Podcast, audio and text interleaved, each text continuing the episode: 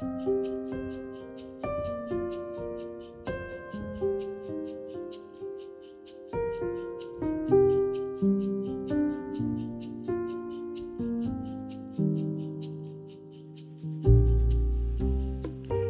er i påsketiden, og i den sammenhengen vil jeg lese et stykke fra boka mi Gi mine øyne lys håpsord gjennom mørket.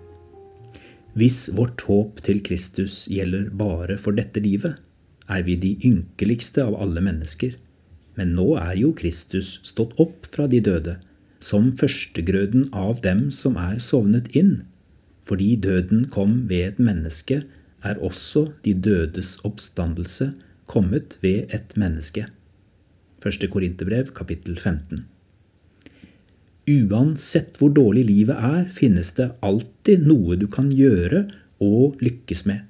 Så lenge det er liv, er det håp, sa den berømte vitenskapsmannen Stephen Hawking, som gjorde banebrytende oppdagelser innenfor moderne fysikk og kosmologi. Kort tid etter at Hawking fylte 21 år, ble han diagnostisert med en uhelbredelig sykdom som bandt ham til rullestolen. Den tok senere fra ham alle muligheter til å kommunisere direkte med omverdenen. Da sykdommen brøt ut, ble han forespeilet et kort liv. Geniet pekte nese til realistene og rakk å bli 76 før han døde i 2018. Han viste hvilken kraft som finnes i håpet når ulykken rammer som hardest. Men selv for den ukuelige Hawking gikk det en grense for håpet ved livets avslutning. Tross en unik åpenhet for universets mysterier avviste han troen på en personlig Gud. Det respekterer jeg. Med utgangspunkt i et kristent livssyn velger jeg å snu opp ned på uttrykket 'så lenge det er liv, er det håp'. Jeg sier 'så lenge det er håp, er det liv'.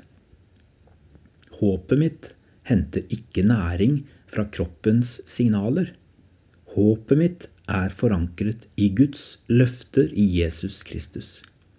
I mitt univers er det håp også når livet ebber ut og avsluttes.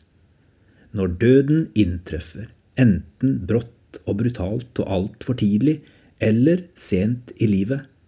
Det er liv, og det er håp, både før og etter døden. Takk Gud for at håpet i Kristus ikke bare gjelder for dette livet. Gi meg del i det håpet som aldri rokkes av livets skiftende omstendigheter.